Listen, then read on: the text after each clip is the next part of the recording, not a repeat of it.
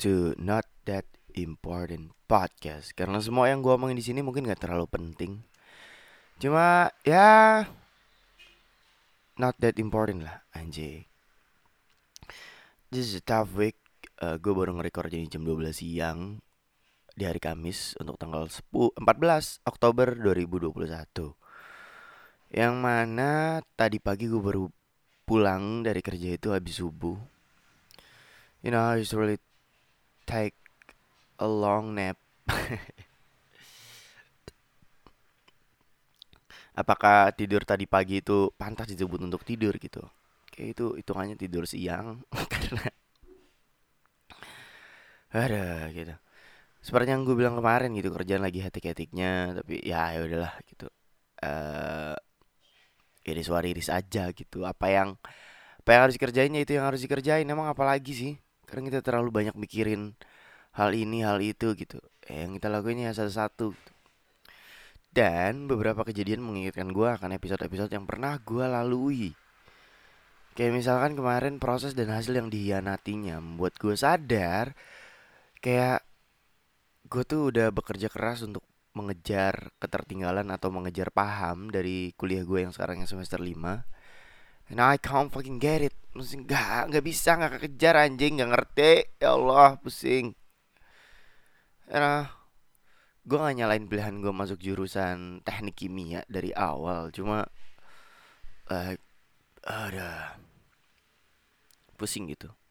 Dan maksud gue karena gue sekarang udah di dunia industrinya ya Gue tuh jadi pesimis gitu. Apakah semua ini akan digunakan suatu saat nanti? Karena I'm basically not uh, the academic person kan, bukan ngejar S2 dan lain-lain gitu.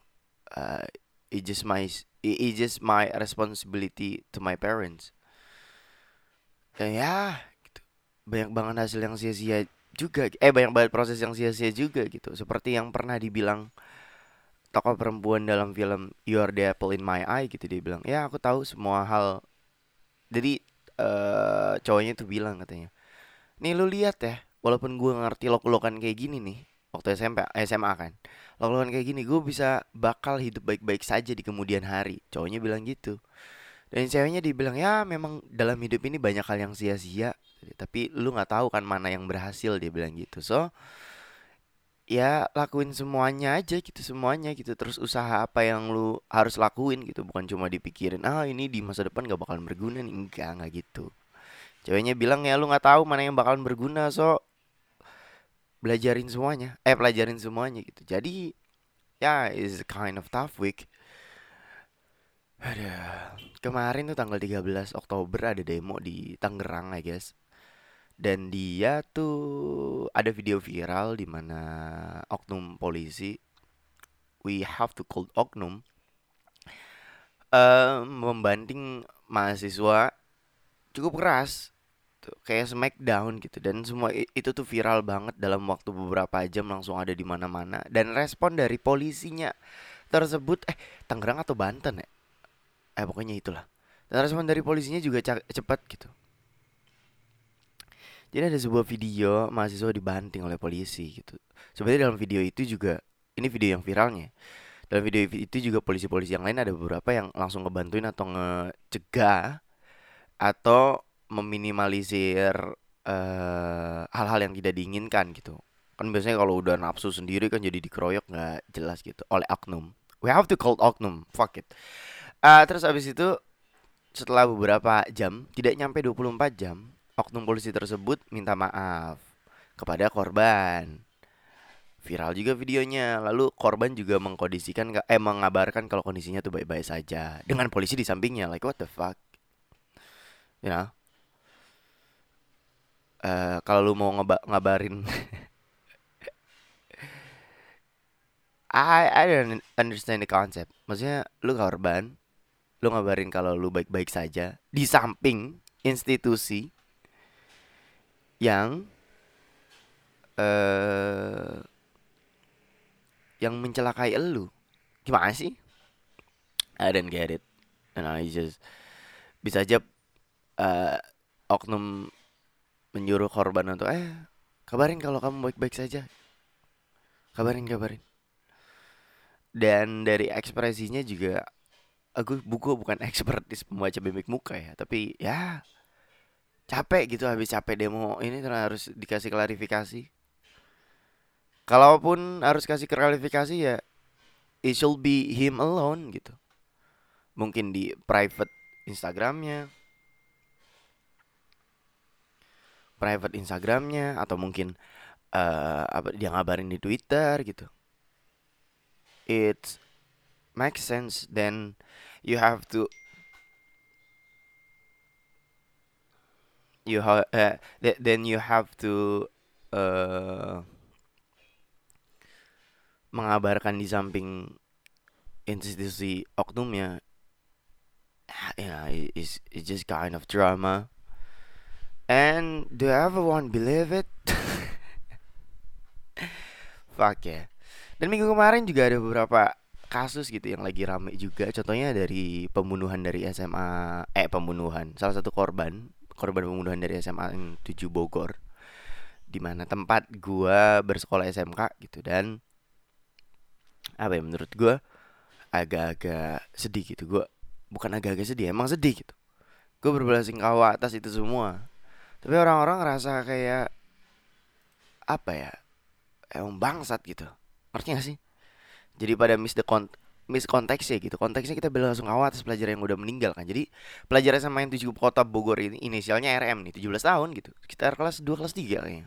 Tewas ditusuk seorang siswa tewas ditusuk seorang siswa sekolah lain tersangka RA 18 tahun. Dan satu rekannya yang terlibat yaitu ML 17 tahun. Berurusan dengan polisi berkaitan dengan insiden maut tersebut. So uh, langkah pertama yang harus dilakukan ya bela sungkawa anjing gitu. Tapi orang-orang tuh pada sotoy pada e, udahlah hentikan semua dendam ini lah. Jangan sampai ada korban lagi lah. Lu harus bela sungkawa dulu baru ngebahas konteks yang lain anjing gitu loh. Lu nggak ini apa namanya nggak lu cuma ngomporin keadaan sesuatu yang nggak ini tuh nggak nggak nggak kondusif tuh misalkan ada yang lagi berduka nih terus kayak ini tuh kematian ini harus harusnya nggak boleh terjadi.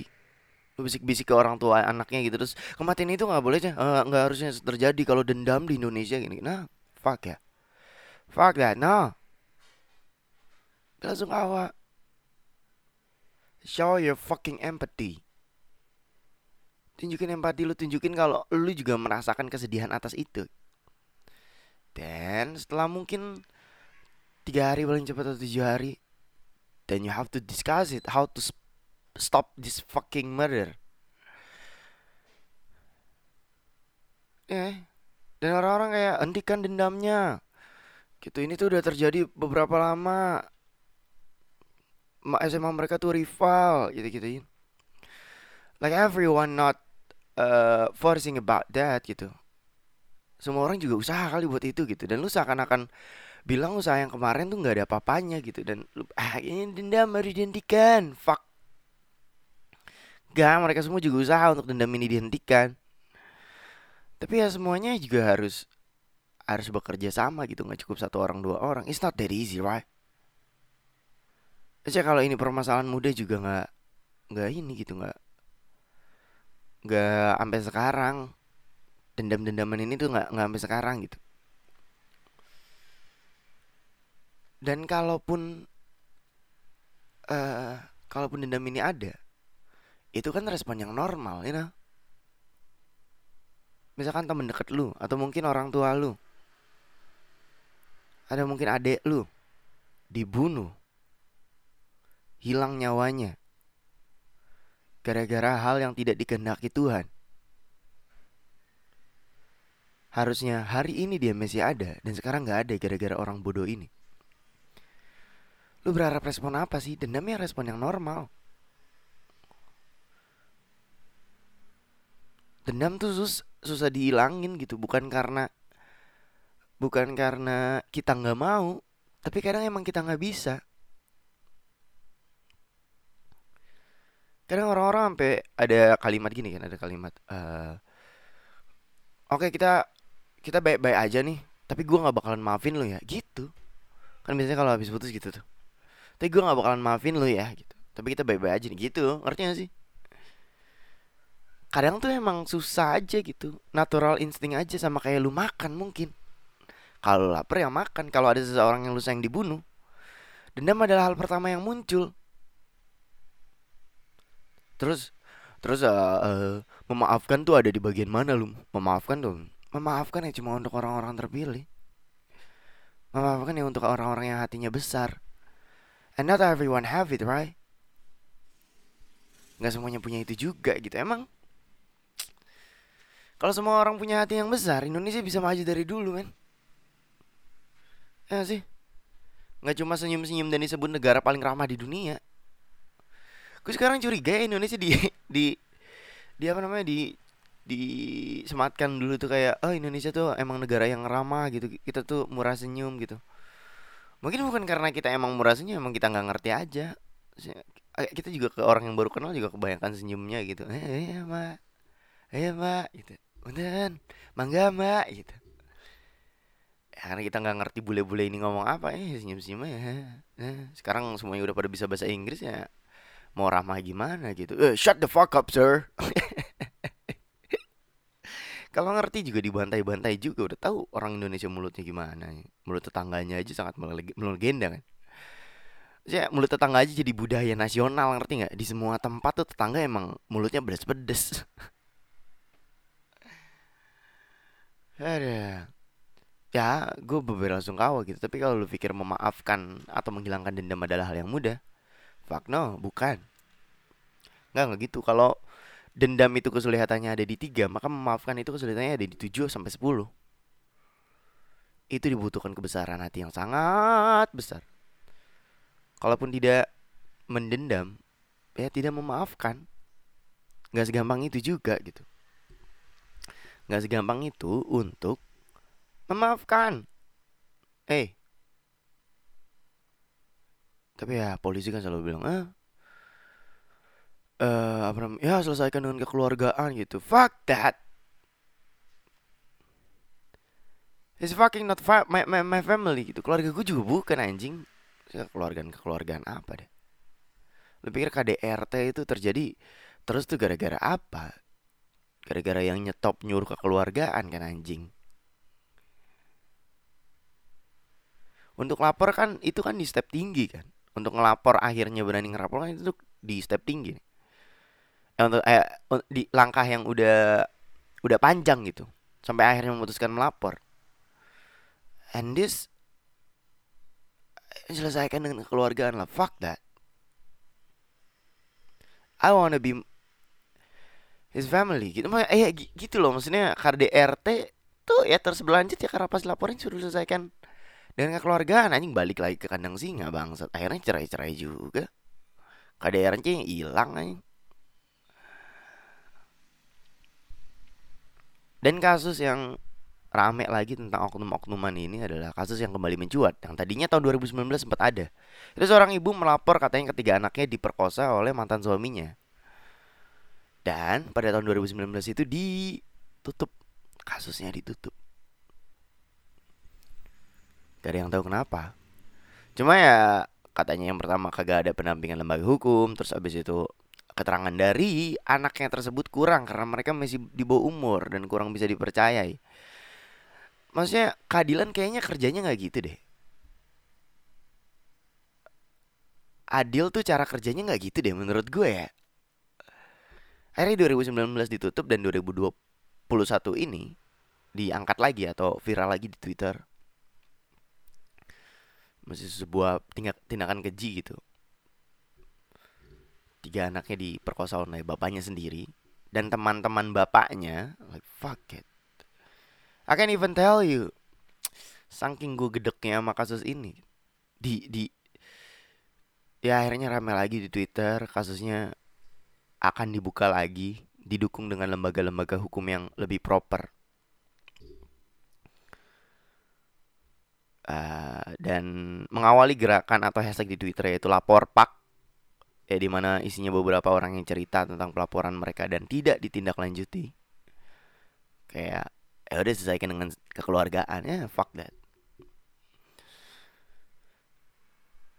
Dan gerakan lapor pak lapor pak ya dan itu dan dan ada tweet dari Rian Ardiandi dia bilang sekarang ngerti kan kenapa lapor pak adalah acara komedi, komedi gitu? Yang kayak double meaning gitu anjing gitu juga lagi apakah acara TV di Trans itu yang lapor pak adalah suatu sindiran.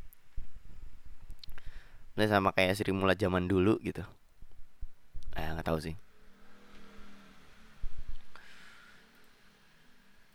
Dan bicara tentang dendam nih kalau jadi ibunya kalau lu jadi ibunya nih ibu yang anaknya diperkosa oleh mantan suaminya apa lu bakal memaafkan no fuck it. So you just wanna kill him right? Karena itu ya naturnya gitu gitu. Lu disakitin ya gitu natural. Coba lu punya hati yang besar. Dia udah punya hati yang besar untuk melaporkan ini ke polisi. Dan this is fucking oknum Saja Ya tidak ada lembaga hukum yang mendukung Ya keterangan dari anak-anak ibu tuh Masih di bawah umur dan tidak dipercaya Fuck it Fuck it Itu bukan cara kerja keadilan Bukan Lu bisa bayangin nggak? Maksudnya uh, tiga anak ini kondisinya kayak gimana? Diperkosa oleh bapaknya sendiri. Ah, fuck. Menyebutnya nyebutinya aja gue jijik banget gitu. Gue nggak mau ngomong ini sebenarnya. Lu kebayang nggak tiga anak itu bakalan tumbuh seperti apa? Trauma macam apa yang bakalan mereka lalui? Trauma macam apa yang akan menimpa mungkin suatu saat ketika mereka juga punya family? Apa gitu? Kalaupun dibuat dokumenternya itu akan menjadi dokumenter menyedihkan karena sepanjang hidup dia dia begitu struggle. Sekarang udah dilaporin ke polisi dan semua orang tahu gitu. Dia adalah korban. Dari masyarakat dapat dapat apa namanya? Dapat cacian terus kemudian dari dari dalam diri dia juga dia mendapatkan trauma dari bapaknya dan teman-temannya fuck it nah, dan sebagai ibu kan pasti dendam ya ya makanya gue bilang gitu memaafkan tuh adalah buat orang-orang yang berhati besar gitu nggak segampang itu karena itu nature feedback aja anak ini akan tumbuh diliputi trauma gitu dan mengganggu kesehatan mental mereka gitu. Dan selamat Hari Kesehatan Mental Sedunia. Kemarin pada 10 Oktober 19 eh 2021 10 Oktober kemarin. 4 hari kemarin. Uh, Hari Kesehatan Mental Sedunia sebenarnya diperingati mulai tanggal 10 Oktober 92 sih. Maksudnya ini tuh baru seumur jagung gitu gerakan sadar kesehatan mental itu baru baru seumur jagung gitu. Masyarakat belum teredukasi semuanya masyarakat nggak tahu cara ngehandle stigma yang mungkin terjadi pada tiga anak tersebut gitu. Maksudnya uh, they are the victim tapi kan masyarakat nggak terlalu ngerti itu harus dikasih edukasi mereka juga suffering karena mereka juga korban jadi masih seumur jagung lah gerakan ini atau Hari Kesehatan Mental Sedunia ini diperingati pada tanggal pertama kali 10 Oktober 1992 eh, which mean 20 tahun. Eh 20 tahun. 20 19 tahun ya masih masih muda gitu. Nah, Hari Kesehatan Mental Sedunia ini bertujuan untuk meningkatkan kesadaran dan menyebarkan edukasi tentang masalah kesehatan mental di seluruh dunia. Ya, this fucking obvious. Dan tema tahun ini tuh dari WHO adalah perawatan kesehatan mental untuk semua untuk semua. Mari kita mari kita wujudkan, katanya mari wujudkan. Berarti intinya mari wujudkan perawat perawatan kesehatan mental untuk semua. Intinya semua orang mungkin eh kemungkinan punya eh semua orang kemung, punya kemungkinan untuk mengalami uh, mental health issue gitu. Yang mana sebenarnya Indonesia juga mulai aware gitu tentang uh, mental health issue lima tahun ke belakang gitu. Kalau ya menurut gue lima tahun ke, ke belakang lah untuk untuk orang awam kayak gitu apalagi uh, sekitar 2017 2018 di mana uh, di mana Twitter mulai ramai lagi mungkin ya, ya Twitter mulai ramai lagi terus kemudian banyak juga lagu-lagu tentang tentang mental health issue. Itu kan menunjukkan bahwa Indonesia juga udah mulai aware gitu tentang hal-hal kayak ginian gitu. Dan itu yang menunjukkan Indonesia tuh udah mulai maju gitu. Udah mulai sejahtera. Karena kita udah nggak mikirin tentang hal-hal primer gitu. Kita udah mikirin tentang hal-hal yang nggak kelihatan gitu kayak mental health issue. Gue nggak bilang mental health issue itu uh, kurang penting. Tapi kalau lu aja makan masih belum terpenuhi kan nggak mungkin juga mikirin mental health isunya gitu ya itu menunjukkan Indonesia udah mulai sejahtera gitu karena mental health issue sudah mulai keangkat. Nah lagu-lagu mental issue gitu. Mental issue mental health ini uh, juga banyak gitu kayak disuarakan oleh kayaknya pertama kali meledak itu ya menurut gue yang bener-bener ngasih impact se Indonesia adalah albumnya mantra-mantra dari Kunto Aji. Yang memberikan pencerahan, yang memberikan uh, meaning tentang tentang menikmati suatu momen gitu, tentang film film, film membiru yaitu momen merindukan seseorang, mengungkap ingin mengungkap sesuatu gitu, terus saudade tentang eksistensi, tentang menjadi anak sulung, tentang menjadi anak bungsu, tentang istirahat dalam lagunya Rehat, you know, is full of healing. Satu albumnya mantra-mantra itu bener-bener menyihir hampir satu generasi gitu. Termasuk generasi gue juga ya akhirnya menjadi bola salju ke yang lain gitu. Akhirnya apa namanya Hindia atau Baskara Putra juga bikin lagu-lagu tentang besok mungkin kita sampai atau mungkin uh, secukupnya. Apa pun yang terjadi itu kan uh, lagu-lagu untuk kita ngomong ke diri kita sendiri kan sebenarnya. Lalu kemudian ada Nadine juga. Terus kemudian tumbuh Yura Yunita dengan tenang. Uh, Iwan Fals juga bikin, apalagi di tengah pandemi kan, lagu-lagu tentang mental health ini uh, berkembang layaknya lagu Melayu pas gue waktu kecil gitu. Kalau ada orang yang bilang tren, ya mereka cuma ngikutin tren gitu mental health itu mental health. Kayaknya enggak, karena mungkin lebih ke arah kayak ya maksudnya gue juga mengalami loh gitu ngerti gak sih kayak satu satu bom yang dipantik akhirnya macu bom yang lain gitu udah lama pengen ngeluarin semua ini tapi nggak ada pasarnya atau mungkin nggak ada medianya akhirnya ketika Kunto Aji bikin mantra-mantra semuanya jadi kebuka gitu semuanya jadi meledak semuanya jadi kepancing semuanya jadi keinduksi untuk bikin lagu-lagu yang sama yang yang akhirnya meningkatkan tingkat awareness di Indonesia tentang mental health. Dan kemarin pas hari mental health sedunia, beberapa musisi yang bikin lagu-lagu ini juga merasa mungkin kalau merasa apa ya, merasa tertegun atau terharu kalau lagunya tuh banyak mengimpact orang. Dan beberapa dari mereka juga mengajak self love campaign yang sebenarnya gue nggak suka bahasanya kayak self love tuh kesannya egois banget gue lebih suka kata bersyukur karena self love tuh kesannya kayak eh, fuck ini gue lo anjing gitu maksudnya lu jangan ini dong gitu menurut gue sendiri sih walaupun itu kan campaignnya sebenarnya kan uh, isi campaignnya kan bersyukur uh, atas apa yang ada di elu gitu dan saya bersyukur juga bersyukur atas apa yang ada di elu, bukan bersyukur atas apa yang nggak ada di orang lain. Ini yang menurut gua kadang agak-agak keliru gitu. Misalnya lu uh, eh konsep bersyukur ya. Gue selalu mikir bersyukur tentang apa yang diberi Tuhan kepada gua, bukan apa yang diberi Tuhan ke apa yang tidak diberi Tuhan kepada mereka. Kayak misalnya gue punya pekerjaannya, lu lu harus bersyukur lu.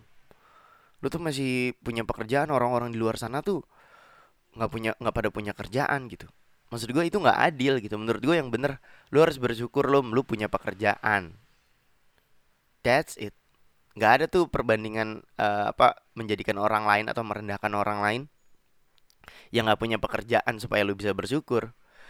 Karena yang ngasih pekerjaannya atau yang ngasih rezeki ya tetap orang yang sama Tuhan yang sama. Jadi menurut gue nggak adil aja gitu. Lu bersyukur lu masih masih bisa ma orang-orang di luar sana tuh masih nggak nggak ada yang nggak bisa makan lu harusnya bersyukur masih bisa makan enak gitu. Enggak. Gue bersyukur karena gue masih bisa makan. That's it Gak ada orang-orang itu.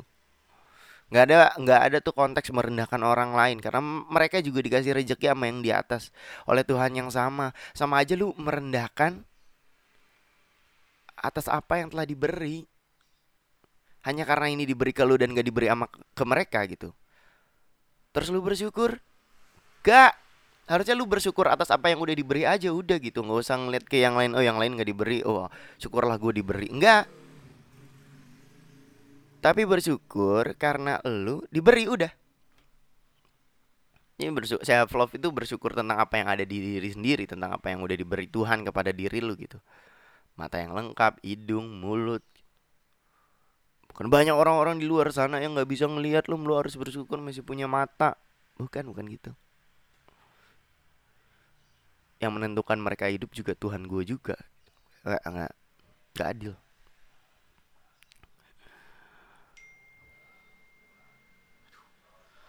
Lalu kemudian uh,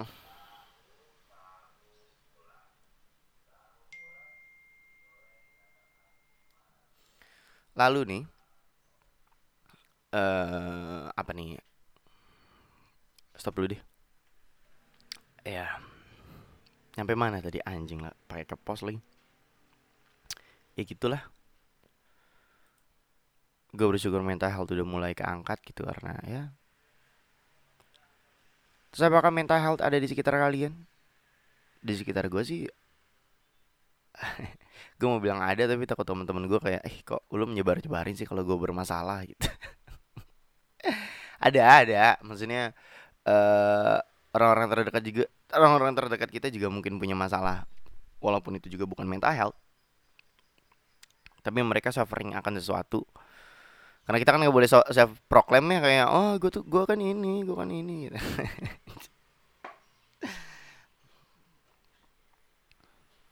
jadi ya ada gitu. Apalagi uh, kuliah dan kuliah sambil kerja kan menimbulkan banyak kesetresan apalagi di awal-awal gitu. Berada di lingkungan keluarga yang tidak sehat juga agak-agak nyebelin lagi stres-stres pulang dimarahin kan. Itu banyak banget tuh. Teman-teman gue yang agak stres gara-gara lu capek-capek apalagi baru jadi gua dan teman-teman gua ini sangkatan gua itu kan uh, mulai kerja di umur 18 kan. Ya sewajarnya anak-anak SMK gitu. Uh, ada yang langsung kuliah sambil kerja, ada yang kerja dulu gitu. Tapi uh, menurut gua mungkin mereka juga belum siap gitu. Termasuk gua juga mungkin belum siap kalau gua pulang. Gua pulang nih capek-capek kerja terus di rumah juga masih dimarahin sama ibu bapak karena hal-hal yang uh, sepele gitu kayak uh, jangan tidur malam-malam gitu loh maksudnya kita juga udah 18 tahun gitu kita ngerti gitu kita juga nggak mau tidur malam. Atau mungkin kamu kenapa pulang malam? gitu. Ya kerjanya belum kelar gitu. Tugasnya juga belum selesai. Nggak bisa gitu lagi gitu ngerti gak sih? Jadi sebel banyak stres juga banyak mutusin buat ngekos. Salah satu temen gua si Mahdi juga akhirnya mutusin ngekos gitu. Walaupun rumahnya satu kota di tempat kerjanya gitu ya banyak alasan lah gitu. Tapi kan kalau untuk kebaikan mental diri sendiri harusnya uh, worth it ya maksudnya. Nggak ya nggak. Nggak ini nggak. Nggak apa namanya. Nggak nggak percuma gitu buang-buang duit untuk buang-buang duit lagi like, ngeluarin duit buat ngekos di luar rumah gitu. Karena pengen hidup mandiri dan mungkin pengen hidup tenang aja gitu loh. Bukan karena kita benci keluarganya tapi kan ada hal-hal kecil yang mereka nggak ngerti. Eh, makanya gue bilang aware gue syukur awareness sudah nyebar di Indonesia karena semua orang juga nggak nggak terlalu ngerti dan teredukasi tentang ini bahwa kesehatan mental seseorang tuh omongan orang tuh bisa nyakitin orang. Gitu. Termasuk mungkin orang tua kita gitu. Orang tua kita juga kan masih lahir di generasi berapa gitu. Masa lu mau ngajarin mereka tentang mental illness? Gue bisa nggak sih? Jangan gini gitu. Ya ya susah gitu. Itu dan nature-nya aja sama kayak yang dendam yang gua awal eh yang di awal gua jelasin tadi gitu. Udah nyicirnya aja namanya ini yang ngingetin gitu. Emang mau gimana lagi gitu. Solusi yang paling bener ya emang harus misah biar uh, ada kangen-kangennya gitu. Bukan berarti benci. Cuma belajar hidup mandiri dan uh, sayang akan kesehatan mental lu juga kan penting. Banyak gitu teman-teman. Gue tipenya sebenarnya kebanyakan kayak gitu gitu. Yang tentang cinta-cintaan sebenarnya jarang. Tentang keluarga mungkin ada tapi nggak terlalu banyak. Cuma ya tentang tentang keluarga ya berarti tadi ya. Kalau pulang-pulang lagi stres terus di keluar keluarga juga lagi nggak baik-baik aja gitu. Padahal saat kondisi mental sta stabil dan gak stres tuh nggak nggak badering tuh nggak nggak ngeganggu sama sekali. Tapi pas lagi keadaan stres tuh uh, dimarahin sedikit ya udah sampai bikin nangis gitu gitulah pokoknya. Banyak lah yang kayak gitu. Sebenarnya. Terus apa lagi ya?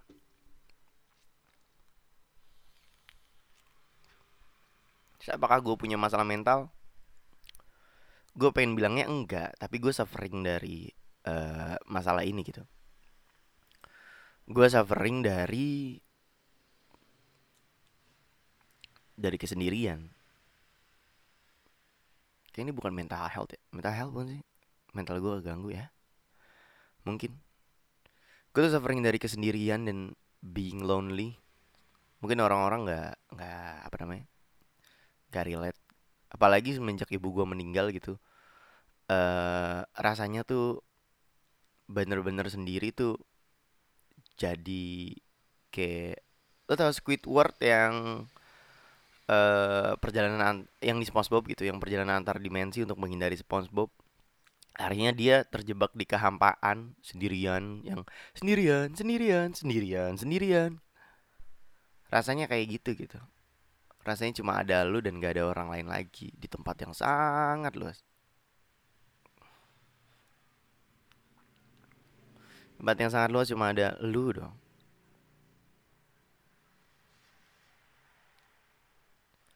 Dan ya gue ngerti kenapa orang-orang juga nggak bisa ngerti. Ya karena mereka juga nggak ngalamin.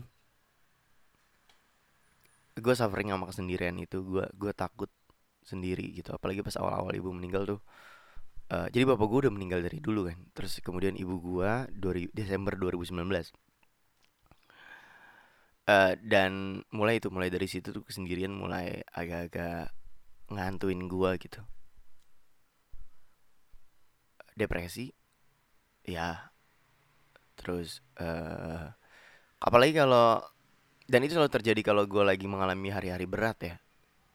Kayak lo lagi mengalami hari-hari berat gitu. Terus kemudian pulang nggak ada siapa-siapa gitu. Cuma lu dan diri lu sendiri.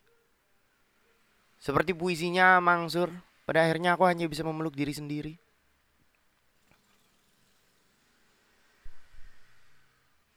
Ke mana pun aku pergi pada pada akhirnya aku hanya bisa memeluk diri sendiri. Sekarang lu mungkin nggak ngerasa ini cuma gue berusaha mendeskripsikan apa yang gue alamin. Uh, lu kerja nih atau mungkin lu kuliah atau mungkin lu uh, lagi apa namanya lagi keluar kerja lapangan atau apa gitu. Terus capek banget hari itu capek banget nih hari itu. Terus lu pulang dan gak ada siapa-siapa di situ kalaupun lu ngekos gak ada orang tua yang bisa telepon. Gak ada siapa-siapa. Lu cuma punya diri lu sendiri. Lagi capek-capeknya pulang Gak ada siapa-siapa. Itu rasanya. Sendirian. Maksudnya awal-awal tuh gue masih sering nangis banget. Gitu. Sering. Ya sering gitu. Eh, Ya Kayak di Di kasur gitu Atau mungkin duduk Nangis gitu uh, Menyadari bahwa memeluk diri sendiri adalah kesepian luar biasa. Kebebasan yang dimaksud orang-orang tuh apa sih? Gak. Memeluk diri sendiri ya menyedihkan sekali apalagi kalau lu nangisnya sambil ngelihat kaca atau sambil selfie. Tapi gue gak sambil selfie sih, gue juga gak ngeliat kaca. Pasti terlihat menyedihkan, lihat orang ini. Dia cuma menangis untuk dirinya sendiri. Dalam kesendiriannya, dalam kegelapannya, dalam ketidaktahuannya dalam kehampaannya gitu. Dan itu sangat-sangat menyedihkan. Dan gue mulai menyadari kenapa orang-orang uh, tau gak sih kebiasaan nyilet-nyilet? Nyilet-nyilet tangan. Kayak bunuh diri nggak jadi itu kan bukan bunuh diri ya kalau bunuh diri kan langsung diurat nadi nih. Dia tuh di nyilet-nyilet tangan aja gitu biar berdarah. Ada banyak versi kenapa, but menurut gue akhirnya gue ngerti kenapa gitu. Karena mereka pengen ngerasain sakitnya.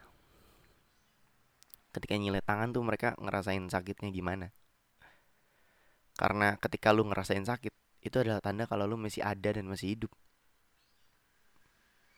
ketika lu ngerasain sakitnya ketika lu ngerasain perih perih that that's the thing gitu. Itu adalah bukti kalau lu masih hidup dan masih eksis.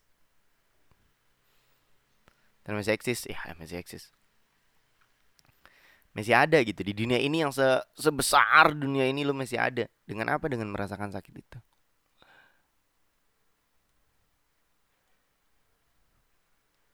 ya kira lu kira apa namanya nyilet nyilet tangan tuh itu adalah pembunuhan yang gagal semua gitu. Kan Adi di sini ya harusnya gini gini gini enggak. Just just suffering. Mereka menderita gitu sama kayak gue gue juga mulai ngerasa kayak gitu pas pas dulu. Jadi tuh mereka nyilet buat ngerasain sakitnya dan bukti kalau mereka tuh masih hidup. It's kind of deep right sakit tuh tanda kalau lu masih hidup tuh bener-bener apa ya? Ya mungkin ketika lu dengar ini juga kayak oh iya juga ya bener ya. Sakit adalah tanda kalau lu masih hidup. Ya bener tapi jangan jadi inspirasi juga anjing. Gue juga nggak sampai nyilet-nyilet tangan kok untuk membenarkan kalau gue tuh masih hidup dan gue mempunyai kehidupan dan eksistensi dan gue masih punya teman-teman juga walaupun gue dalam kesendirian dan de de de depresi gue ya gue nggak sampai kayak gitu. Tapi orang-orang ini juga kan suffering gitu. Mereka juga butuh bantuan. Mereka juga butuh bantuan mereka juga butuh ditolong gitu. Tapi untungnya pas awal-awal uh, ibu gue meninggal gue tuh lagi punya pacar. Uh, dan ya dia selalu nemenin gue sih bener maksudnya gue pernah bilang ke dia dia adalah orang yang nemuin gue paling jauh. Dia adalah orang yang nemuin gue paling jauh. Paling jauh nemuin gue di saat yang lain enggak gitu.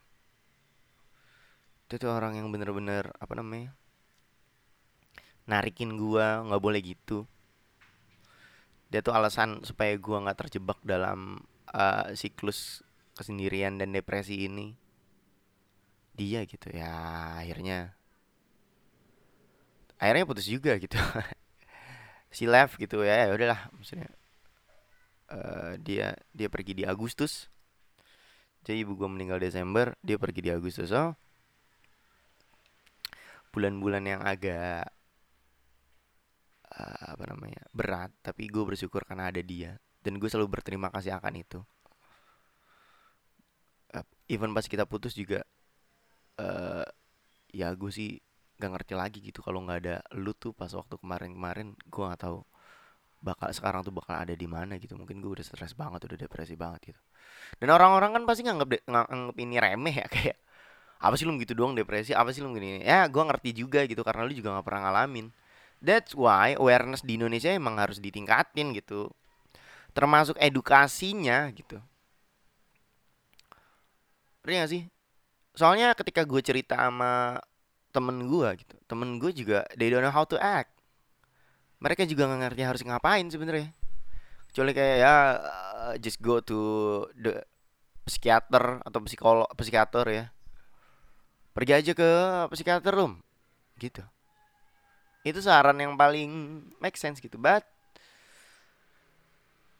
uh, maksudnya kesimpulannya they don't know how to act. Dia nggak tahu harus ngapain juga gitu saya juga kalau tiba-tiba teman lu cerita tentang depresi dia apa yang lo lakuin? Bingung kan? Sabar. Terus juga juga apa apa ibadah. Terus kemudian sholat ingat sama Tuhan. Ya they don't know how to act. And you can blame them. Nggak bisa nyalin mereka juga gitu. Karena ini sesuatu yang baru gitu. Ya kata gue tadi ini Indonesia baru aware mental health juga 4 tahun 5 tahun ke belakang. Jadi lu juga nggak bisa berharap banyak. Solusi paling terbaik ya menemui psikiater gitu kalau lu mengalami depresi yang berat atau mempunyai mental health. Not because you want to I guess, but you need to fuck it. Cause you need it eh ke si unit tuh karena lu butuh karena yang lain juga nggak ngerti cara nanganin lu tuh gimana. Bukan karena mereka nggak peduli but they don't know how to act. They don't know how to act right. Nggak tahu cara yang nanganin yang benar selain kasih lu pelukan dan jadi temen denger yang baik tuh nggak tahu gitu. So don't blame them. Selama mereka nggak mentertawakan apa yang lu alami there's a good friends. Dan gue selalu mengalami depresi dan kecenderungan menghadapi kesendirian ini kan selalu gue pendem sendiri gitu nggak pernah gue ungkapin ke teman-teman. Karena ya you know, feel bad. Lu ngerasa sendiri dan lu cerita ke temen lu gitu. Itu kan kayak ngerasa eksistensi dia sebagai teman kan agak-agak terusik gitu lah. Terus gue apa? Lah terus gue apa? Sebenarnya maksud gue kan emang beda gitu. Lu udah nggak punya keluarga dan lu dan lu sendiri temen juga beda gitu. Teman sama keluarga ya beda lah gitu loh. Ngerti gak sih tapi akhirnya gue menghindari untuk cerita ke temen karena tentang kesendirian ini ya kayak seakan-akan gak menghargai usaha mereka gitu. Selama mereka masih ngangkat telepon gue selama mereka masih ngebalas wa gue selama mereka masih nge-reply reply story gue ya yeah, that's right we're fine. Nggak ada masalah di antara kita udah cukup segitu aja gitu. Kalaupun gue cerita ya they don't know how to act. Just be a good listener. Yeah, that's good. But ah ya gitu gue jarang banget cerita sih. Itu tadi tentang menyakiti diri sendiri tentang nyilet-nyilet. Ya kata 21 Pilots cuma sometimes you gotta bleed to know that you're alive and have a soul. Ya, kadang-kadang lu lu harus harus berdarah untuk tahu kalau lu masih hidup dan mempunyai jiwa atau mempunyai nyawa. Tapi ya harusnya lu butuh orang lain untuk nyadarin lu itu gitu bukan dilakuin sama diri sendiri itu sih inti lagunya sebenarnya. Terus ujung-ujungnya ke mana? Ketika lu merasa sendiri dan keberadaan lu atau eksistensi lu tuh mulai hilang gitu. Lu tuh apa di dunia ini gitu? Signifikan si lu tuh apa di dunia ini gitu. Dan lu merasa kalau lu mati nggak bakalan ada yang sedih gitu. That's that's wrong. Itu salah. Salah dan yang ngebuat ku, gua kuat sebenarnya pas awal-awal ibu gua meninggal dan gue mengalami semua kesendirian ini dan depresi ini adalah lagu-lagu bener. Lagu-lagu but Kunto Aji not work for me. Bukan Kunto Aji sebenarnya yang work uh, bukan Kunto Aji yang apa namanya yang menyelamatkan gue tapi uh, dan gue selalu selalu ini ini sih selalu apa namanya selalu apa ya namanya? Selalu nggunain lagu ini gitu berulang kali dulu. Dan lu juga pasti punya lagu untuk nge-restart diri lu kan? Nge-restart kalau lu tuh masih ada dan masih berguna dan lu harus tetap hidup. Yaitu terusnya terus truce tulisannya truce terusnya dari 21 Pilots. Jadi jam 2 pagi atau jam 3 pagi ketika gue mulai merasa anxious about being lonely and all about the the person that I had gue biasanya nyetel lagu ini gitu. Mungkin kayaknya bakalan gue taruh di belakang. Now the night it's coming to an end. Mm-hmm.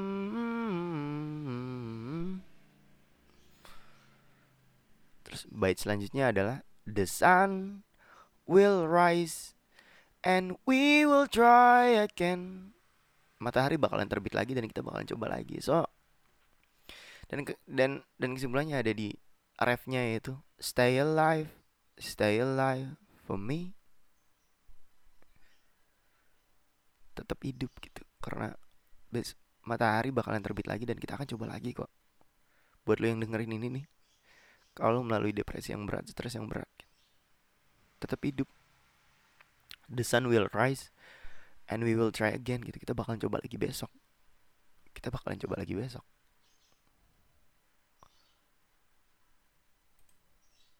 Malam akan segera berakhir dan kita akan coba lagi besok. Dan di bait selanjutnya lagu ini dia bilang katanya I will fear the night again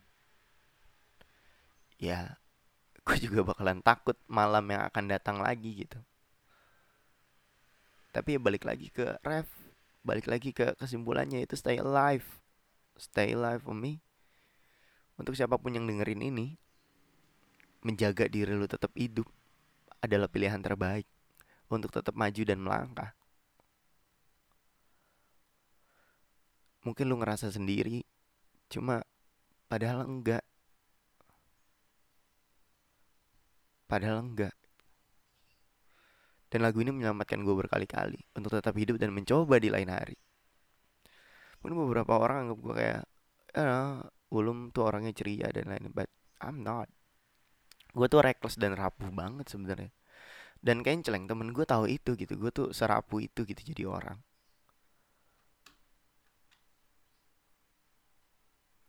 dulu gue takut banget akan malam-malam yang akan datang dan gue mesti terbangun jam 2 pagi, jam 3 pagi. Menyadari kalau semua hal di dunia ini adalah ketiadaan. Menyadari kalau gue cuma sedikit kecil dari semua kehidupan di dunia dan mungkin gue tidak ada signifikasinya terhadap orang lain. Tapi lagu ini bilang stay alive gitu selama lu tetap hidup, lu bisa coba lagi besok. Selama lu tetap hidup, lu bisa survive. Selama lu bisa lu tetap hidup lu bisa ngubah itu semua.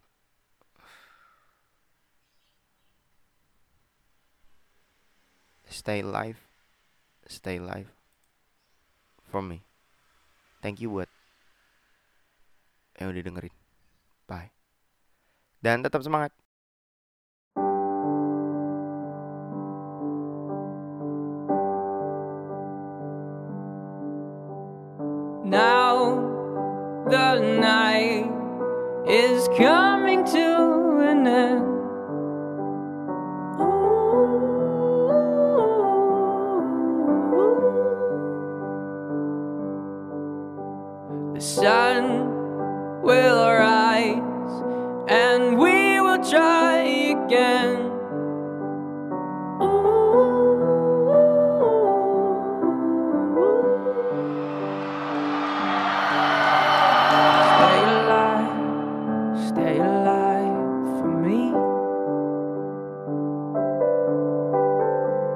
will die, but now your life is free.